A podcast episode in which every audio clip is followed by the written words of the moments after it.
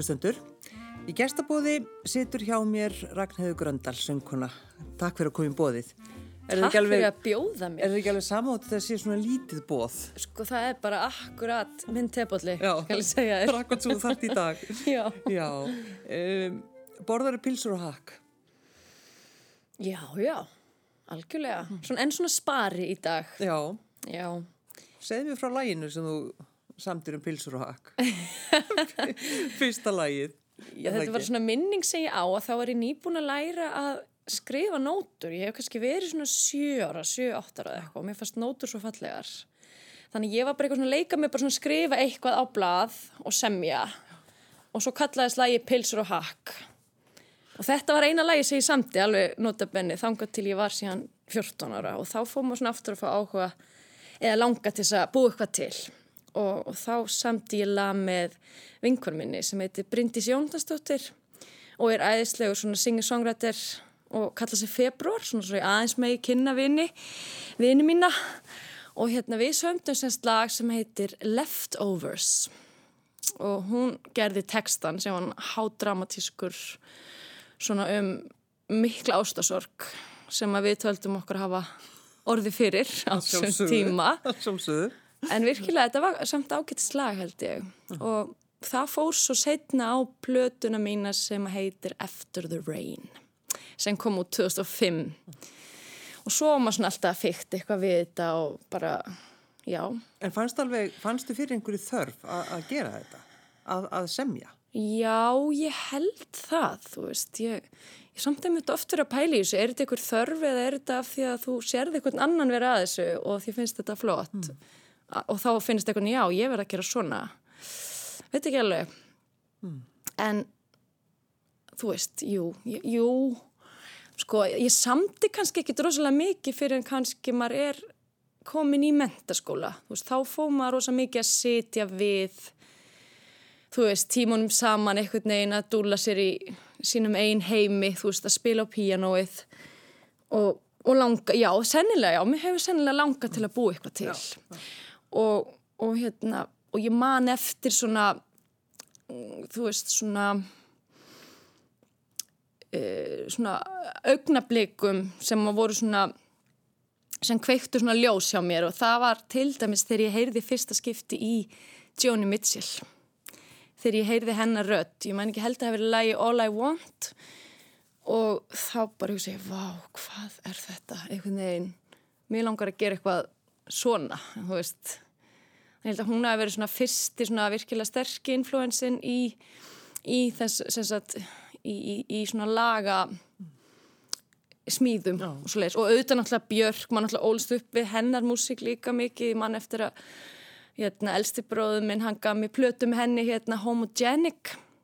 Þegar hún var að koma út sem hefur verið hvað, 98 já. Og ég var mikið með það á líka þegar ég verið, já svona 12-13 eða eitthvað og svo Emiliana náttúrulega þannig að jú, þetta voru svona einhverja fyrirmyndir sem voru í kringum mann sem að maður leit upp til sko. En af hverju byrjaður þú í tónlist? Ég var bara sett á piano og blokkflutu þegar ég er 5-6 ára gömul. Svolítið skemmtilegt, já ég var bara sett á, á piano og blokkflutu. það réði ekki, ekki neinum það. Já, nei, nákvæmlega. Mér finnst þess að eftir á higgja ég að vera bara svo heppin því að það voru ekkit margir í kringum mig sem voru tónlistaskóla á þessum tíma. Núna náttúrulega er, þú veist, mjög mörg börn sem fá að fara í tónlistaskóla Já. og þetta er bara algjör svona gæfa að mamma og pappi, sko pappi er alveg upp á miklu svona tónlistarheimili. Og hérna pappi hans var, þú veist, mikill ástruðu maður um tónlist. Og hérna þannig ég held að hann hef einhvern veginn verið svona meðvitar um að það væri sniðugt að leifa okkur sviskinunum að fara í tónlistanám, bara til að prófa það, þú veist, þótt að væri ekki nema að bara að það myndi hjálpa okkur eitthvað í skólanum eða þetta gerir svo margt annað.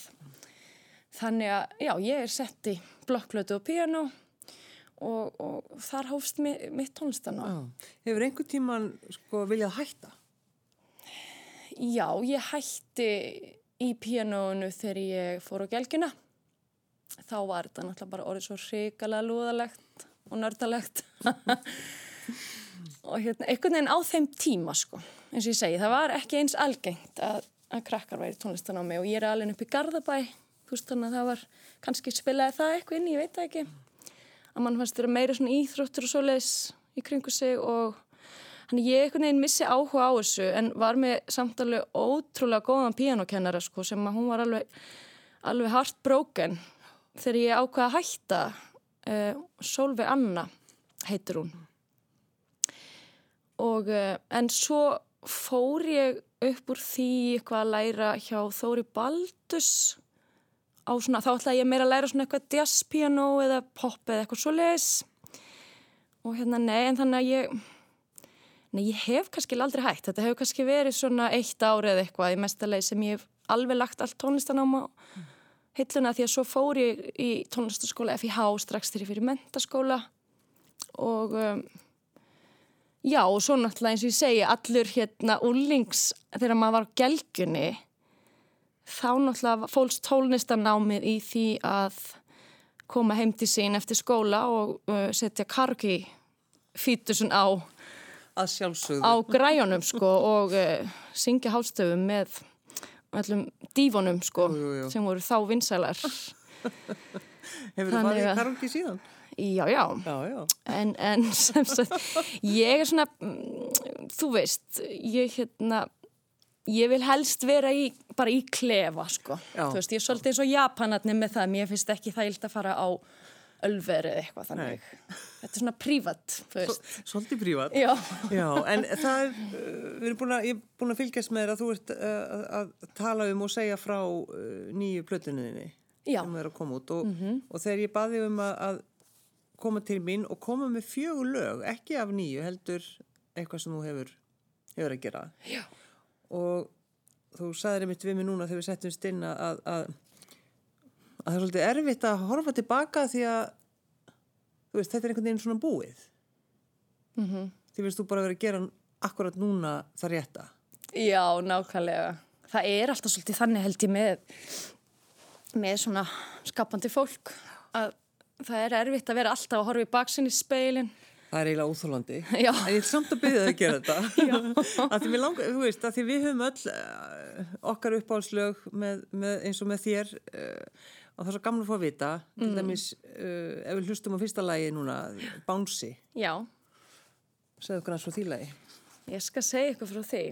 Um, Þetta er lag sem er tilenga hérna, ketti sem ég átti sem var þrýfættur og hérna en er dæmi um svona lag sem að þú veist þetta var eiginlega ég samti eiginlega annar lag fyrst og svo hérna einhvern veginn fannst mér það ekki nógu gott og, og þá mjútaði ég bara allt það og, og samti svo nýtt lag ofan á hérna trommugrunnin sem að vinnum minn Birgir Baldursson spilar Þannig að það, þetta lag er svona lag sem verður til ofan á trommugrunn. Þannig að mér finnst gaman að spila það af því að það, svona, það verður til á aðeins öðruvísi hátt heldur en eiginlega flest annað sem ég geri.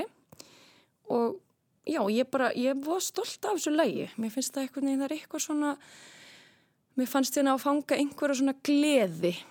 Og svo ertu náttúrulega mjög tilfinningilega tengt þessum, þessum ketti, já, og það, uh, þú náttúrulega, hann er, hann kvarfa heimilinu eins og, eins og maður En svo þú náttúrulega verið heyrt um því að við búum í sama hverfinu. Jú, jú. Það var svolítið, maður fann því líkan stuðning frá fólkjur öllum áttum. Það láfið að Björgunarsveitin hefði verið ringt út. en þá neða að ég veit að kannski viðkvæmt að spyrja en þannig að Bánsi hefur ekki komið aftur heim. Nei, Nei. hann kom ekki aftur heim. Nei. En það bara, ég oft hugsaði, menn hann alltaf lendið mitt í að missa fótinn, hann, hann var svolítið svona óheppin pínu sko. Svo til hrakvallabálkur þessi köttur, þannig að einhvern veginn er ég svona búin að reyna að snúa þessu upp í það í huga mér að þetta hafi einhvern veginn bara verið hans sko, hvað maður að segja? Já, hans check out eða hvað maður að segja, hans exit. Já. að bara hverfa sporlaust. Dra Svolítið dramatískur. Já, Já. Guð, hann var alveg Ertu búin að fá nýjan gött? Nei, ég er ennþá að jafna mig sko. Og hérna en og mér langar en það er samt það sem er jákvæmt því að vera ekki með dýr núna, ég, við hefum verið með alveg tvo ketti alveg á heimilinu undanfarið ár sko. Og hérna svo gott, það er alltaf svo reynd eitthvað hjá mér. Þannig að ég svona veit ekki alveg svona hvað ég ger í þessum kattamálum. En ég fer reglulega upp í kattolt til þess að svona heimsækja ykkur að geti þar og sjá hvort það sé eitthvað svona. Eitthvað sem kallar. Eitthvað sem kallar. En við skulum hlusta á bánsa Takk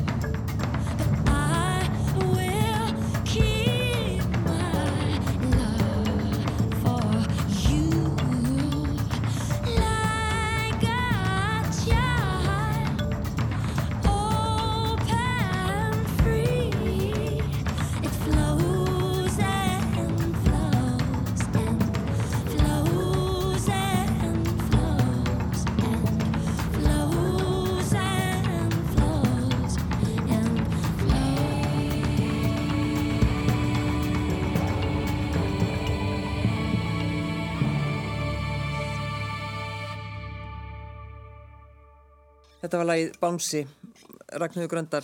Uh, hlustar mikið á sjálfa þig? Maður gerir það þegar maður er að gera plötur og svona. Þá er maður bara alveg á kafi í einn heimi sko.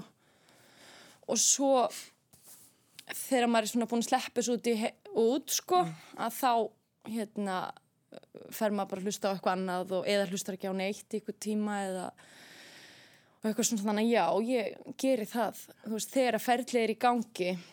En svo get ég átt mjög erfitt með að þegar síðan lýður ykkur tími þá getur maður bara að horta baka hvað þetta er ótrúlega lélegt. Einhvern veginn. Og, og svona þannig að þetta já, en ég held að sé með tolt að lusta sjálfansi sko því að það er náttúrulega þú ert auðvitað að hérna, skapa einhvern heim og móta einhvern skuldur sem að er það sem þú ert að presentera. Mm fyrir heiminum og svona þannig að Já. Hvað værir að gera þú værir ekki í tónlistinni, Ragnarður Gröndal? Herðu, ég held að ég væri bara að vinna bókald eða, eða já, eitthvað svo leis. Þetta er mjög óvansvar. Bókald. Já. Þú verður að skýra þetta út. sko, ég fór á svona bókalds, eitthvað svona námskeið og þá bara komið svo óvart, mér fannst það svo skemmtlegt. Það var eitthvað, neina, það var allt í eins og eitthvað svona suð í haustum á mér bara svona lækkaði allt í einu því að þá fær maður bara fástu ykkur að tölur og eitthvað svona sem gengur upp þú veist, það er bara debit og kredit og þetta þarf bara að stemma. Já, þetta er semst ekki eins og þú ert að semja tónlist og stundum gengur ekki upp og nei. þú kannski skilur ekki á hvað leið þú ert. Nei, nei. En þannig er þetta bara tölur. Já, mér finnst þetta svo skemmtilt, ekki það að svo kemst maður að því þegar maður fær síðan að læra ásreikning og svona að þá náttúrulega getur þetta einmitt verið bara mjög opið til tólkunar sko, jú, jú. hvernig hlutum er stilt upp í bókaldi og svo leiðis en þetta er nefnilega ég held að ég get alveg hugsað mér að gera þetta eitthvað tíman sko ja. til þess að fá svona frið eins og ég segi frá hérna frá samtalenu sem er svona alltaf í gangi sko Já. Þannig að bókaldi ykkar hjóna er fullkomið, vættanlega. Nei, nei, nei. ég var nokkið að segja það. en það er reynd, maður reynir. Já, maður reynir. já, já maður ímynda sér alltaf þessi, þetta er svona staðalmyndin af, af, af tónlistafólkinu sem að, er að það er allt í kást nema bara það að geta samið fallega tónlist. Mm. Nei, ég hef alltaf dáðst að svona fólki sem er með jafnvæg á milli heilakveilana. Já, akkurat. Þú veist að það þarf að vera 50-50 sko veist, sumir náttúrulega get ekki þetta gert ef þeir eru meira öðru hverju megin sko en ég er alltaf að reyna að tósa mig sko Já. veist, í meira jafnvægi því að maður getur náttúrulega verið mjög svífandi og utan við sig og svona Já, já, já, já. Er, Ertu það svolítið? Ertu utan við þig? Já, ég held að ég sé svolítið utan við mig. Það fer samt svolítið eftir svona bara hvernig ástandi ég er í veist, þegar maður er vel sofinn og svona þá er maður alveg nokkur rólegur mm. en ég held ég að ég sérstaklega verið þegar ég var yngri sko þá, þú veist en svona þegar maður eldist þá svona held ég maður náðu svona aðeins meir í artengingu mm. smá saman. Kallaði þroski, eða ekki? Jú, það ekki, ef ekki að kallaði það bara. Smá þroski að vera ekki algjörlega fastur í einn veröld. Já. Já, já, hann er að Já.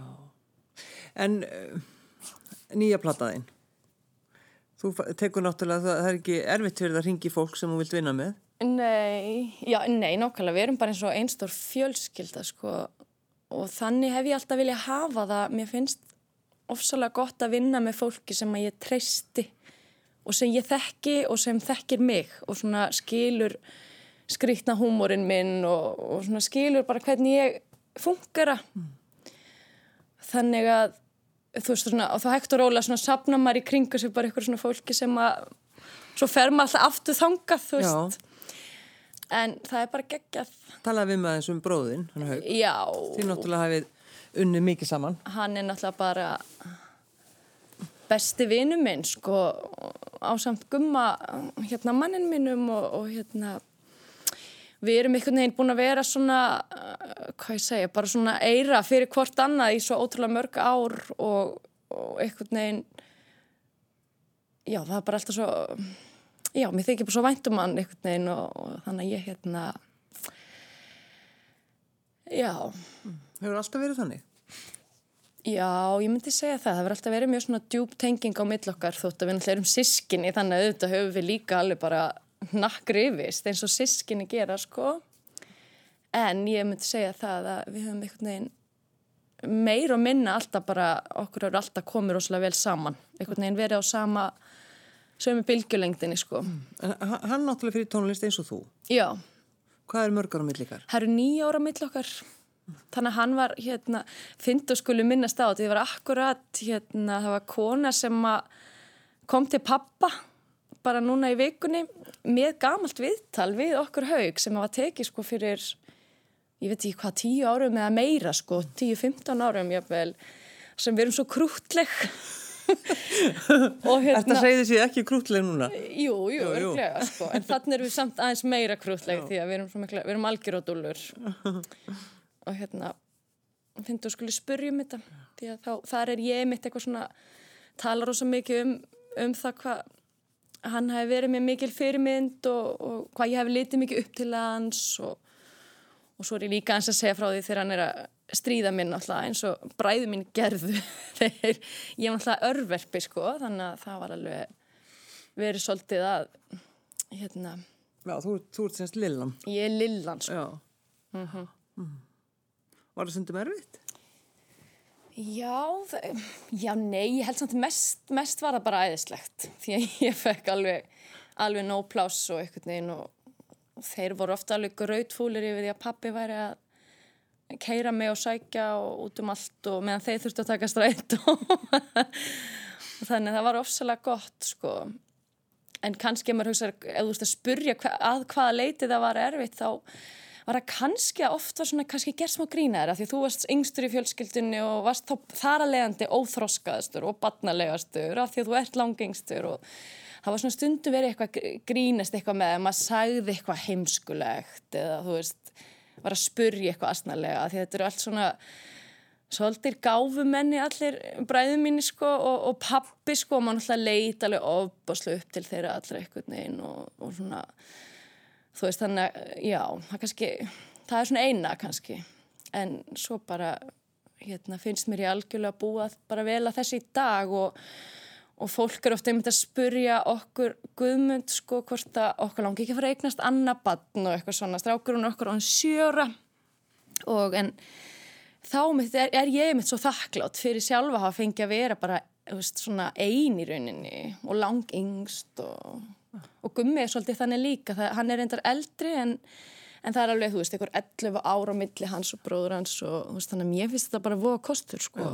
að vera bara enga batnið eitthvað. Það er fólk svolítið að ymmit að spyrja því það, það er, virðist gerast svo ofta, maður er bara, maður er bara búin að eiga eitt batn, þá kemur alltaf þessi spurning. Já, það er bara, já, algjörlega og ég er búin að fá þetta alltaf mikið upp á síðkastið að því að nú er einmitt það er svona komin ákveðin kaplaskil, hann er byrjað í skóla og, allt þetta og þá hérna... Þú ert ekki verið yngri. Akkurat, nákvæmlega, komin á síðasta söludag, þú veist. Þannig að, jú, jú. Já, fólk er alltaf að spyrja, mm -hmm. Næsta lag sem við ætlum að hlusta á Ragnhjóður Gröndal uh, Lifandi vatn. Já, mér þykir rosalega vænt um þetta lag.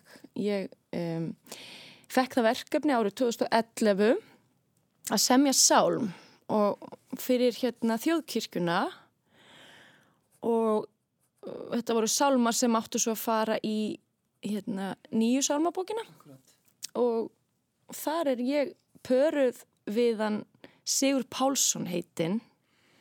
Og þetta er svo ótrúlega fallegt ljóð hjá honum að ég er eitthvað nefn, mér finnst ég svo heppin að hafa fengið þennan text upp í hendunar því að þú veist ég grínast undir með það en mér minnir að sko læja, mér hafi rauninni dreymt lægið áður en að hann sendi mér textan þú veist, mér hefði dreymt það svona aðeins og undan. Einhver svona vísi að lægi, þú veist, og svo skoði ég textan einhvern veginn sem hann var að senda og þá bara svona passaði þetta einhvern veginn akkurat. Þannig að það var auðvelt fyrir það lag? Já, mjög auðvelt.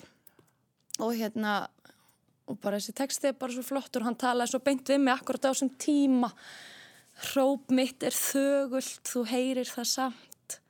Þögnin ómar í þér, í þér. Ómar eins og vatnið Streymandi vatnið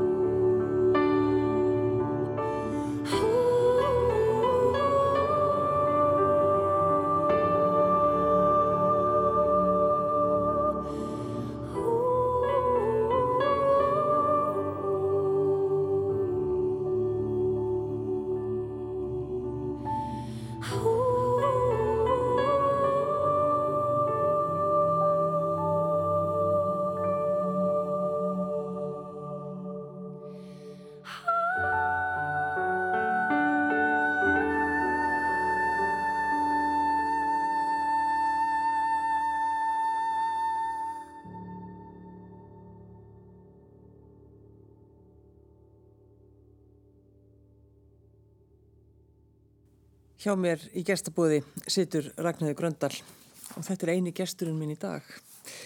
E, þetta lag, Levandi vatn, eftir tekstan eftir Sigur Pálsson, eða ljóðið eftir Sigur Pálsson og, mm -hmm. og þetta er lagið sem kom til hinn í draumi. Já. Trúur á draumana? Ég veit ekki.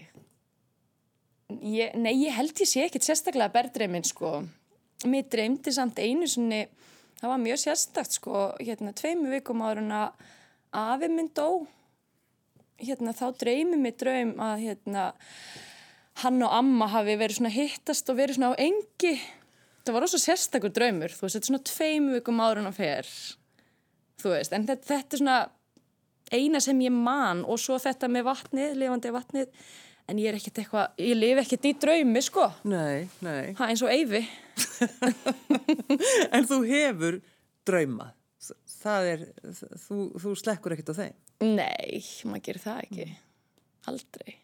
En í dag er helsti draumi minn bara að geta verið heilbreyð og hamkjusum manneskja. maður kemst að því með, með þróskanum að það er bara það einu sem skiptir máli. En maður er bara ánaður og það er líka svo gott þegar maður er komin á þann stað að, að maður trúir því. Alveg, alveg inn í hjartað. Akkurat, já, já nákvæmlega. En þú ert, en, virðist vera einhvern veginn endalaust að skapa. Og, og bara nýplata núna. Mm -hmm og einhvern veginn eh, gerður þetta svolítið svona, vannst þetta svolítið fallega eh, þú skrafst alltaf til útlanda. Til úglanda til úglanda, þú vorst í siglingu. Já. Ekki í London. ofsalega skemmtilegt ferli. Uh, ég er svo heppin að kynast honum Jerry Diver sem er upptökustjóri frá Írlandi. Við kynnist honum í gegnum sameila vini. Um, hann Hilmar Örn hérna, kórstjóra sem er mjög góð vinnu minn og já og svo bara búið að mæla svo mikið með honum við mig að ég hugsaði ok, ég pröfa þetta mm. þú veist, því að þetta er eitthvað sem að ég hef ekki gert, einhvern veginn ekki treyst mér í sko, vitandi það hvað ég get haft sterkast sín sjálf og, og svona átt bara erfitt þú veist, að því að veist, mér veist ég oft að vera að lenda okkur um veggjum í gegnum tíðina þú veist af því að ég veri með eitthvað svona eitthvað sín og, en kannski ekki náða að útskýra það nóg vel eða mm. og, og, og þú veist eitthvað neginn þá endað uppi bara svona ægi ekki alveg ánægðið eða eitthvað og en sagt, þannig ég, þetta var rosalega mikil æfing fyrir mig í að bara heyrðu hann er að sjá um þetta hann er upptökustjórin og ég verð upp að einhver ákveðna marki bara að tristunum þú veist. Hérna. Þannig að það var svolítið erfitt, þú þurftur svolítið að Já, svona... ég þurfti alveg að taka á hann stóra mínum því að svo fann ég mitt líka því að hann er, talar ekki íslensku að þá hérna fann ég alveg að það var erfitt að tjá sig þótt ég tala alveg ennsku en bara einhvern veginn, þannig að ég þurfti bara svona, ok, bara ég, mér er alveg sama bara, þú veist en svo, veginn, svo tókst það alveg að lenda þessu og svona enda þetta tók alveg tvö ár. Já, það er svolítið lang, langur tími eða hvað? Er það kannski ekki langur tími í svona sköpun? Það er bara kannski fer eftir eðli verkefna sko, hvernig hérna plötur eru teknar upp. Úst, yfirleitt hef ég unni meira svona sem að mest allt er bara tekið upp live og, og reynir bara að láta standa einhver taka eða úst, ég hef gert mikið þannig en þannig er þetta meira einhvers konar stríi, þú veist. Hérna, hvernig ámur að orða það? Veist, þetta er kollás, er svona ennska orðið. Það sem það er bara verið að taka alls konar uh, í stúdjóun og stúdjóð er svolítið hérna stúdjóð er hérna þitt verkfæri þú veist, og það finnst mér alveg geggja gaman en það getur oft verið mun svona lengra ferli vegna þess að þá þarf kannski að vera púsla hinn og þessu og, og búa til myndina, þú veist, í staðin fyrir að einhvað sé kannski algjörlega tilbúið þegar það er farið inn í stúdióið, þú veist, meðan að ég fór kannski laugin voru sirka tilbúin, þú veist, eða frumið eins og hérna, ég kalla það Frumið? Já, þetta er endi, ég er að stelsa frá hauki, en þetta er tala um frumið. Hann er bróðin. Hann er bróðin minn. Mér finnst þetta alltaf gott orð, því þetta er, já, við köllum þetta frumið. Vegna þess að það er, þú veist, eitthvað svona kjarni. Það er eitthvað, þú veist, það er eitthvað frum og það getur verið eitthvað bara laglína eða texti eða einhvað, en svo, svo er svona spurning hvað þú ætlar að setja í kringum það til þess að þú veist, til þess að virkilega ná að, hérna, að það ná að springa út, sko. Í þessu sköpunumferðli þínu öllu, Ragnhildur, er, uh, er maðurðinn gummi alltaf sammálaður? Ekki alltaf, um, en hérna það er, þetta er samt, við, við eiginlega bara skemmtum okkur alltaf rosalega vel saman í þessu öllu, sko. Það hefur ekki verið aldrei neins svona einhver átök eða eitthvað þannig, þú veist, við vinnum bara saman sem jafningar, en við erum ekkert endil alltaf sammála sko. Og en aðalega er hann í því að að peppa mig upp sko þegar ég fer á hérna staðinn þar sem þetta er allt ömulögt og svona að því að hann hann hefur svo rosalega mikla stúdjóreynslu að hann hann á auðveldra heldur en ég ofta svona sjá fyrir endan á einhver að sjá fyrir endan ef einhver fær ykkur að visjón eða sín um hvernig hann ætlar að hafa hlutuna þá á gummi mjög öll með svona að sjá fyrir endan á henni, þú veist, menn að ég get hérna, verið rosalega óþólumóð og, og hérna, þú veist, fundist þetta ætti bara að fara allt í rauðslakorfina því að veist, þetta er þá ekki alveg tilbúið eða eitthvað. Hvernig vissur þú að þú væri ástangin á hennum? Það er góð spurning. á ég að fara að deila því eða? e, já. Guð, ég veit, veist, ég veit það ekki alveg þetta var allt saman skrítið sko. Svona, eins og þetta væri svona tveir seglar bara að dragast það hvort öðrum sko. Ég, þetta pínu, var pínu þannig allt saman. Var fólk heisa á því þegar þið Ég veit það bara ekki. Það var einhverju sem verum við manna, maður ætti ekki vera með svona eldri manni sko. Já, já. þetta væri nú svolítið svona að því hann er 12 árum eldri. Hérna Það er að vara þig við. Já, já, já. en nei, ég mann það svo sem ekki Nei, var það hárið á honum? Grullaða hárið? Já, svo bara, ég veit ekki hvað það var. Það er svona, eitthvað svona, hann hefur svo ofbáslega marga kosti, einhvern veginn, bara sem manneskja og ég veit ekki, ég held ég bara, get ekki útskýrt þetta. Nei, en líka af hverju var, maður náttúrulega getur ekki útskýrt, útskýrt ástina, einhvern veginn, það, það er svolítið erfitt. Það er svolítið erfitt. En, uh, já, þeir En ég skal alveg viðkjanna, ég fór svolítið á hliðina, sko. Við bara, það var erfitt, eðast, við urðum ástfangin og þetta var, hérna, ég fór alveg svolítið á hliðina, því að þú ert að vera, ég veit hvað lag þú ert að fara að spila, sko.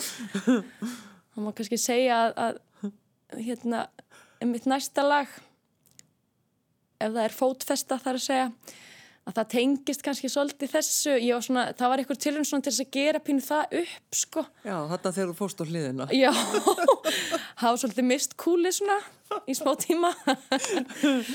Já. Og, hérna, og tók alveg fólk eftir því sérst, þú varst hann á hliðinni. Almáttur, ég bara bara einmitt vinkona mín sem bjóð með mér ég fór í eitt vetu til New York í skóla ég var 21 og svo bjóð þar með vinkonum minni sem heiti Birnana Björstóttir Ríðtöfundur og ég hugsa bara alltaf eftir að hún hefur fengið algjörlega nóga mér því að ég talaði svo mikið um hann og þetta var allt saman svo erfitt og, og æg þú veist og já, já. bara eitthvað drama. Þannig að það var kannski erfitt fyrir bara þetta að verða ástofangin því fannst það kannski bara, þetta var bara töf Já, eða þú veist, ég náttúrulega var bara leiðin út í nám og var náttúrulega, honu fannst ég allt ung og, og svona, æ, þú veist, þetta var bara ekkit sérstaklega góðar aðstæður sem Nei. að voru akkurat þá, einhvern veginn, í hans lífi heldur, þó ég ætla ekki að fara nánur út í það. Og hérna, hann átti til dæmis rosalega marga ketti á þessum tíma Já, það voru ég skil. 15 kettir heima hjá hann um fyrsta skipti sem kom til hans til dæmis 15 kettir? Já. Það eitt og sér eh, ge, ge, hefði getað sko látið þið bak út. Nei, nei mig, kattakonuna. Nei, já, hún, hann kannski fekk allar þess að ketti lánað, hann vissi að, að þetta er þið málið. Ég er náttúrulega helt alveg um tíma, ég myndi fá þetta svona, þetta sem kalla crazy cat lady syndrom sko. Já, já, já. En svo fannst mér í losna við það þegar ég átti badni mitt. Þannig að stelpur og núti sem eru þarna bara, hérna, reyna eignast badn. En þá er það þriðja lagið af þessum fjórum lögum sem ég baði að velja Ragnhjóður Gröndal og það er þessi, það er, er ástarlagið, það er fótfesta. Mm -hmm. Skulum hlusta það.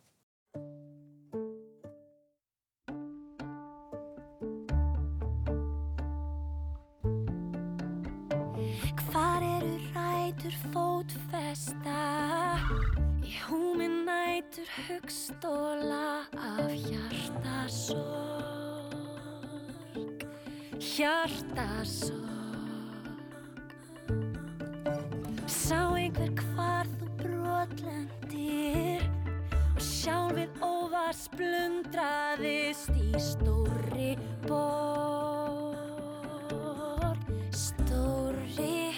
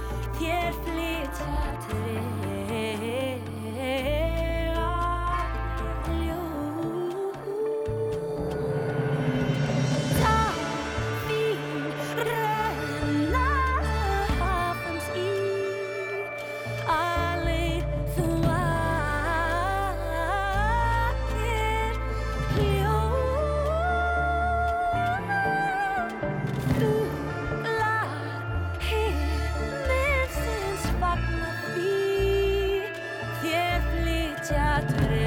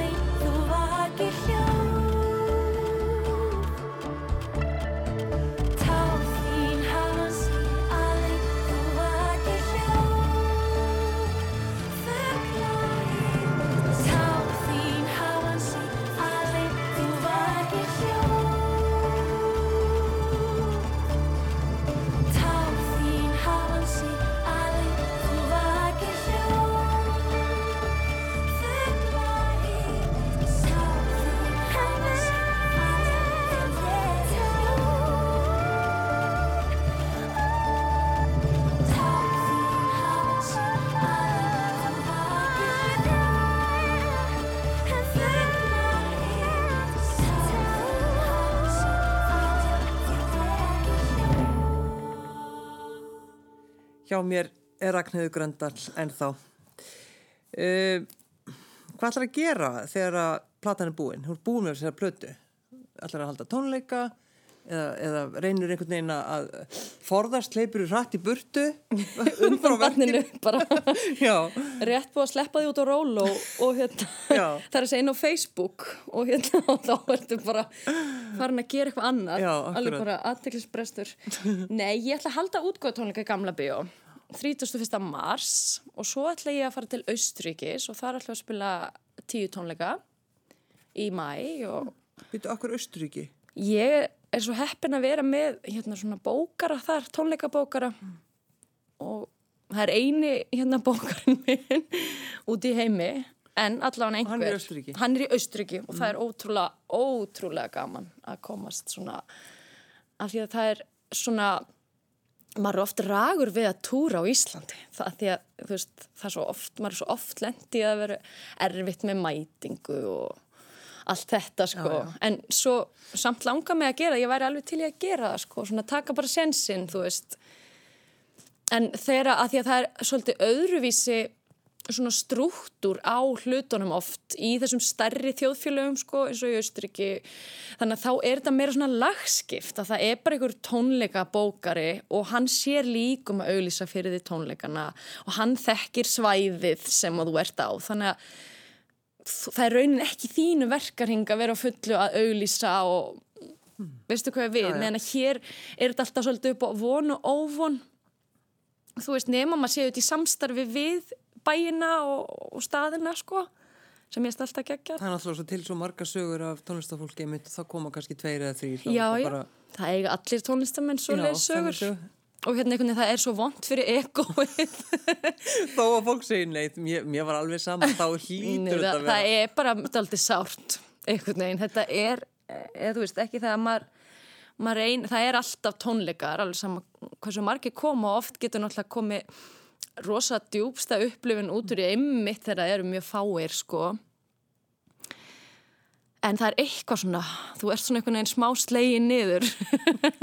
Alvegs. En hvað með svona gaggríni og, og svona, hvernig líður þér með hana, Ragnæður? Það er alveg það sama, einhvern veginn. Það geta verið ef það einhver svona, þú veist, prumpar eitthvað svona smá á hlutina hjá þér eða komar að segja, kemur með eitthvað svona, nei, eitthvað, þetta er nú frekar leiðilegt. Veist, svona komment, það getur ofta alveg bara farið svolítið undir skinnið, sko, og svona einhver komment svona að ég, að ég veit ekki, er erfitt að lýsa því en, en svo held ég samt að í rauninni eflir þetta þig sko. Það er rosa gott svar. Já, ég meina þú veist, það verður bara einhvers, það er ekkit alltaf hægt að séu allir bara að púðra þig nefið og, og klappa fyrir þér enda laust sko, einhvern veginn. Af því að þá ferur líka að taka því sem sjálf gefnu sko Bara eins og í gamla þetta þegar pappin, eh, hann náttúrulega alltaf keira þig og þú bara tókst því sem. Nákvæmlega, ég tók því algjörlega sem gefnu og hann beigði 20 mínútur fyrir utan jazzballettskólan og þú veist, æg, þetta finnst að pæli í þessu. Já. En sem sagt, þannig ég, ég er alveg á því að sko allt mótlæti í þessum geira, það eblir því bara. Mm, já. Og þú þarft að fá það, þarft að fá, þetta er ekkit hægt einhvern veginn að komast hjá því. Mm. En, en þú lifur á tónlistinni eða ekki? Jú, ég er að kenna líka samt núna. Mm. Ég hef ekki alltaf verið að því en ég, hérna... Hvernig kennar ertu? Ég veit það ekki. Ég held því að ég er ágætt sko. Mér finnst þetta allavega mjög gaman og ég er með mjög goða nefndur og svona og, og, og hérna og það er bara getur bara verið mjög gefandi að, að kenna sko. En hvernig upplifur þeirra drauma? Finnur þú það að þetta, er, þetta eru krakkar með stóra drauma? Já, að sjálfsögðu.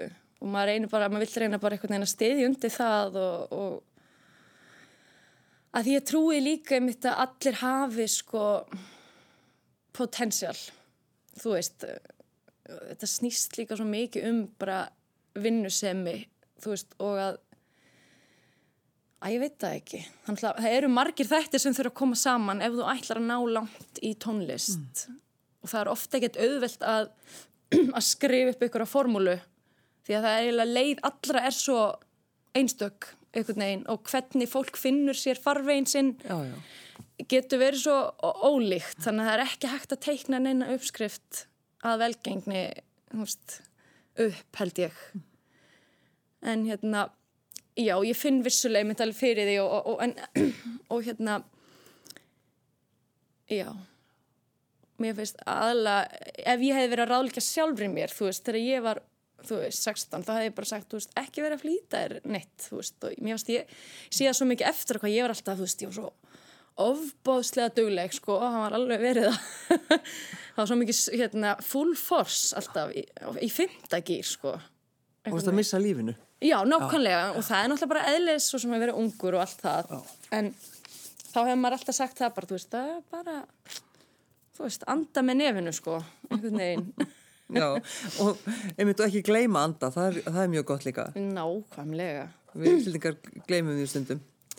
En heima fyrir, taliði um eitthvað annað en tónlist?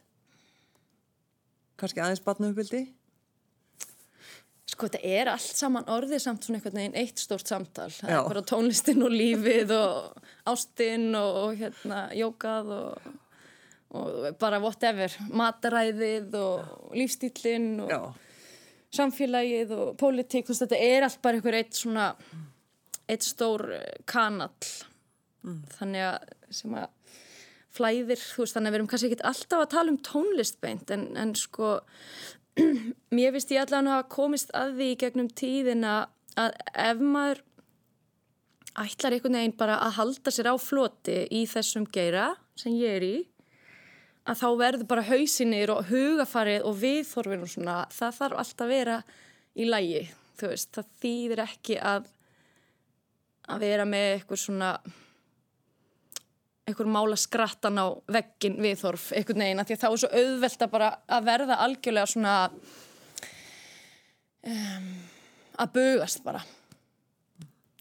Ég er alltaf, ég er að fæ svona ennsk orð upp í hjón oft sko, ég vil bara ekki vera sletta því við erum á, á gufunni, en já að bugast. Það er bara mjög fínt. En að, að finna finnir sem vannmætti þú veist, sem er að því að það er náttúrulega bara svo ógesla mikið að góðri tónlist út um allt og, og hérna þetta flæðir einhvern veginn um allar veitur og um allt internetið og, og stundum líður manni bara eins og fólki sé bara orðið sama. Þú veist, það kemur einhvern í platt út og þú veist, þetta bara er svo mikið overload sko. Mm.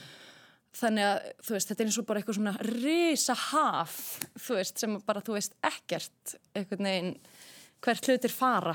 En nýja plattaðinn, hún er komin eh, nú þegar á, á Spotify. Já, Já sem ég bæðu vegi elska. Ég er ekkert á móti Spotify en eitt þannig ég nota það sjálf mjög mikið. Já, já. þannig það er ekki að ég sé eitthvað á móti þetta er bara svona svolítið áhugavert þú veist, á hvað stað þetta er komið. Þetta er bara, svona, þetta er bara tónlist er bara svona eins og eitthvað súrefni eða veist, eitthvað þetta þú bara skrúa frá og hérna getur fengið að hlusta hvað segir sínist hvena segir sínist meðan að veist, ég næ ennþá þeim tíma að maður beigð kannski fyrir fram án útverfið eftir að heyra eitthvað lag þú veist, eða eitthvað svona og svona, þetta, já þetta var bara öðruvísi. En, en svo held ég samt að samaskapi að þá öruglega ungir krakkar sem hafa rosa mikið áhuga tónlistannaborð þá er þetta náttúrulega bara draumur því að þá geta þeir einmitt sko alveg sennilega hlustað á bara einhvert hlaðborð af alls konar hlutum þú veist og haft einmitt mjög mikla víðsýni í tónlist sko þú veist meðan að en kannski fyrir þá sem hafa ekkert neitt sérstakt svona ástriðu fyrir tónlist að þá kannski lenda þeir þá pínu að vera alltaf mikið mataðir bara þú veist að þeir fá bara akkurat það sem er efst á toppnum með eitthvað af því að þeir bara hafa kannski ekki áhugan til þess að leita eitthvað aðeins undir yfirborðið sko. Loka lægið Ragnhjóður Gröndal. Konguló Konguló Ég kom nú flug, nei. Kontum með það, segðu okkur frá því aðeins Þetta er náttúrulega bara verkefni sem ég finnst rosalega væntum sem ég gerir með henni Bergrún Írisi Rittöndi og Ingeberg Fríða Helgadóttir sem er mitt vinnur hér á Rúf, hún les upp þessa sögu okkar sem heitir Næturdýrin og þetta lag er úr þeirri bók og heitir Konguló og er bara ógeðslega skemmtilegt, finnst mér. Ragnæði Gröndal, tónlistakona. Við hlustum á Konguló og takk fyrir að koma. Takk fyrir mig, takk.